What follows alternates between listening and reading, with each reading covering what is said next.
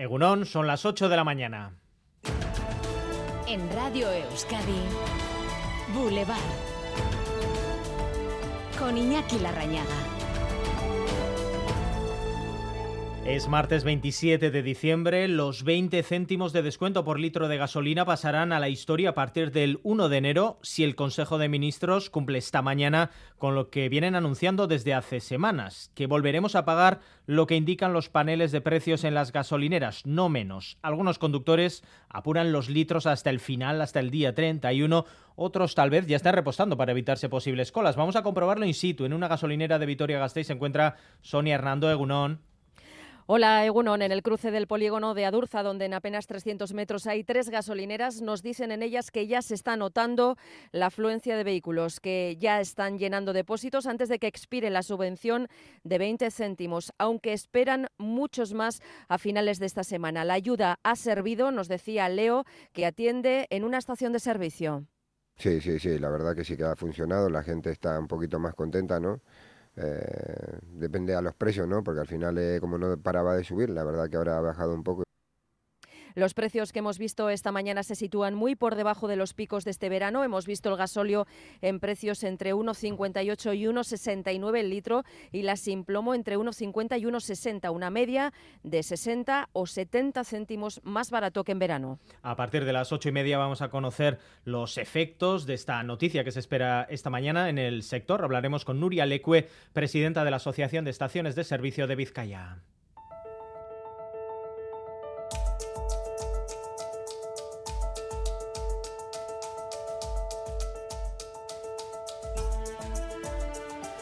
Parece que va a ser una de cal y otra de arena porque el gobierno sí planea bajar el IVA a algunos alimentos, en parte porque se han resentido las compras. Las grandes superficies y cadenas de alimentación de la comunidad autónoma vasca han perdido, según el Eustat, casi un 5% de ventas respecto al año pasado. Vas a la tienda y está todo tan caro que al final, si no es una cosa, te va a encarecer por otro lado. Freskoa dan gusti gusti guztia, dago, o kongelatu behar zu, o acabo. Azkenin, ba, gero eta komplikabo dala ondo jatie. Y además les contamos que la pandemia ha marcado un antes y un después en las listas de espera en Osakidecha, que se sitúan en números nunca vistos. Un informe del Departamento de Salud remitido al Parlamento pone cifras a la preocupación que la población percibe y proyecta en las encuestas. Xavi Segovia. Sí, las listas, de espera en Osakidecha a fecha del 30 de noviembre han aumentado un 20,8% en los últimos tres años, con más de 115.000 pacientes a la espera de ser atendidos en consulta. Las especialidades que más espera acumulan son las de traumatología, oftalmología y ginecología. En cuanto a las pruebas diagnósticas, más de 53.500 pacientes esperan para ser atendidos, lo que supone un 93% más que antes de la pandemia. En 2019, la media de espera era de 33 días, espera que se alarga a 50 días de media contabilizando las pruebas diagnósticas. Sobre este y otros asuntos vamos a preguntar al presidente del Partido Popular Vasco, Carlos Iturgaiz, a partir de las 9 de la mañana aquí en Boulevard. Y este mediodía también estaremos atentos a lo que sucede en Alderdie de Rendonostia, a la concentración de repulsa por el asesinato de Lucas Aguirre, concentración convocada por el ayuntamiento y al que se ha adherido también el consistorio de Hernani. La muerte a puñaladas del joven en la Plaza Oquendo en Navidad sigue provocando incredulidad y enfado. No, no se puede vivir así, follón, follón, y luego lo que dice todo el mundo, salir de casa con un cuchillo. Horrible, no, no hay derecho y ¿qué te voy a decir? Ni, palabras. Muy, muy doloridos en el pueblo y todo nuestro apoyo a la familia. Mientras seguimos a la espera de que los tres detenidos pasen a disposición judicial, sí hemos podido saber en las últimas horas que la sospecha, la principal sospecha de la autoría de las eh, puñaladas mortales recae sobre uno de los detenidos, el joven de 24 años que se entregó en comisaría acompañado de su madre y que cuenta con antecedentes policiales. Vamos ahora a repasar más noticias con Asier Herrero.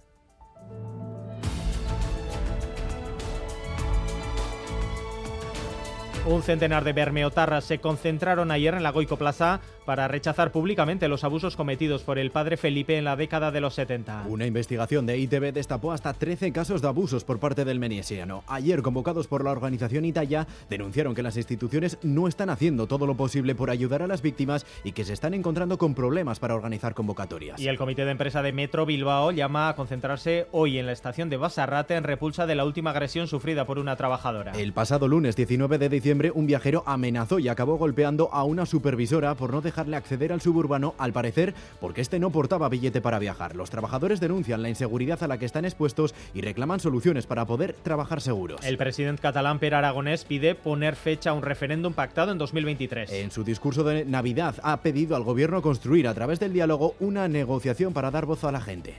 El 2023 ha de ser l'any de donar forma a la proposta catalana d'acord de claredat. Un gran acord a Catalunya, un gran acord a Catalunya, que sigui explicable i homologable a nivell internacional. El Ayuntamiento de Vitoria-Gasteiz suspende un macrocotillón de Nochevieja que tenía apuntadas a más de 2.000 personas. Según el ayuntamiento, no cumplía las medidas de seguridad, ni las sanitarias, ni ruidos, ni contaba con un plan de movilidad. César Fernández de Landa, concejal de Planificación y Gestión Ambiental del Ayuntamiento de Vitoria-Gasteiz. La solicitud que se hizo para este cotillón se presentó tarde y se hizo mal. Comenzaron el montaje de las carpas sin licencia y a sabiendas de que no estaban cumpliendo con la normativa.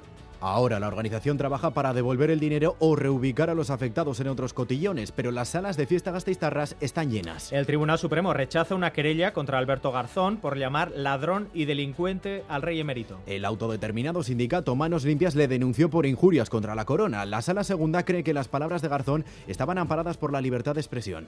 Y la Basílica de Begoña acogerá esta tarde el funeral del exfutbolista del Athletic, Chechu Rojo. Será a las 7 de la tarde en el barrio que le vio nacer. Falleció el pasado viernes a los 75 años. Como homenaje a una de sus grandes leyendas, el Athletic portará brazaletes negros en el partido del jueves ante el Betis. Vamos ahora con un flash de la actualidad del deporte con Álvaro Fernández Cadiarno, Egunón. Hola Egunón, con mucho baloncesto y en la Liga CB se juega en el Breogán Basconia y el Bilbao Basket Real Madrid. En la Liga Femenina IDK visita la cancha del Leganés, mientras que Araski recibe al Ensino y en Aléboro tenemos el GBC Almansa. Además, Dos marcadores de ayer, mano parejas, el Ori Zabaleta 22, Lasso y Mazocho.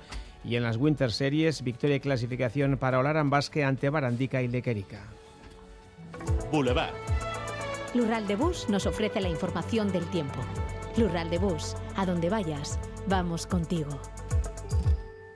Euskalme, Jonander Arrillaga, Egunon. Caixo Egunon, todavía durante la primera mitad del día el cielo va a estar bastante nuboso, sobre todo en la vertiente cantábrica, y se pueden escapar algunas gotas, pero hacia el mediodía tenderá a ir levantando y se irán abriendo claros que serán más amplios en la mitad sur. El viento va a ser flujo y variable en general hoy y las temperaturas máximas se van a mover entre los 13-14 grados de la vertiente mediterránea y los 16-17 de la vertiente cantábrica. Así que, aunque todavía se pueden escapar algunas gotas, sobre todo por la mañana, tenderá a ir aclarando. A estas horas 10 grados de temperatura en Bilbao, 11 en Donostia, 7 en Vitoria-Gasteiz, 6 en Iruña y 10 en Bayona. Egunon, sornotxan amabi gradu. Agur, ondo izan. Egunon, iruritan bederatzi grado terdi eta urietarteka.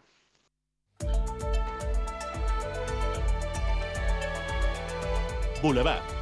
Tráfico. Actualizamos información de servicio con Maider Martín Egunon. Egunon Bay, continuamos con esos problemas en la Guipúzcoa 20, en las artes sentido Rentería. Aquí se ha producido hace una hora una salida de calzada de un turismo que continúa ocupando un carril y en este momento genera retenciones. Turno de tarde en el hospital. Ocho horas me esperan. Voy a visitar a Laitona, a pasear juntos un ratito. Con las amigas al teatro. ¡Qué ganas tenía ya! Porque la vida vuelve y el transporte público es vida, en Lural de Bus, donde vayas, vamos contigo. Ayúdanos a mejorar nuestra información con tus comentarios, fotos y vídeos.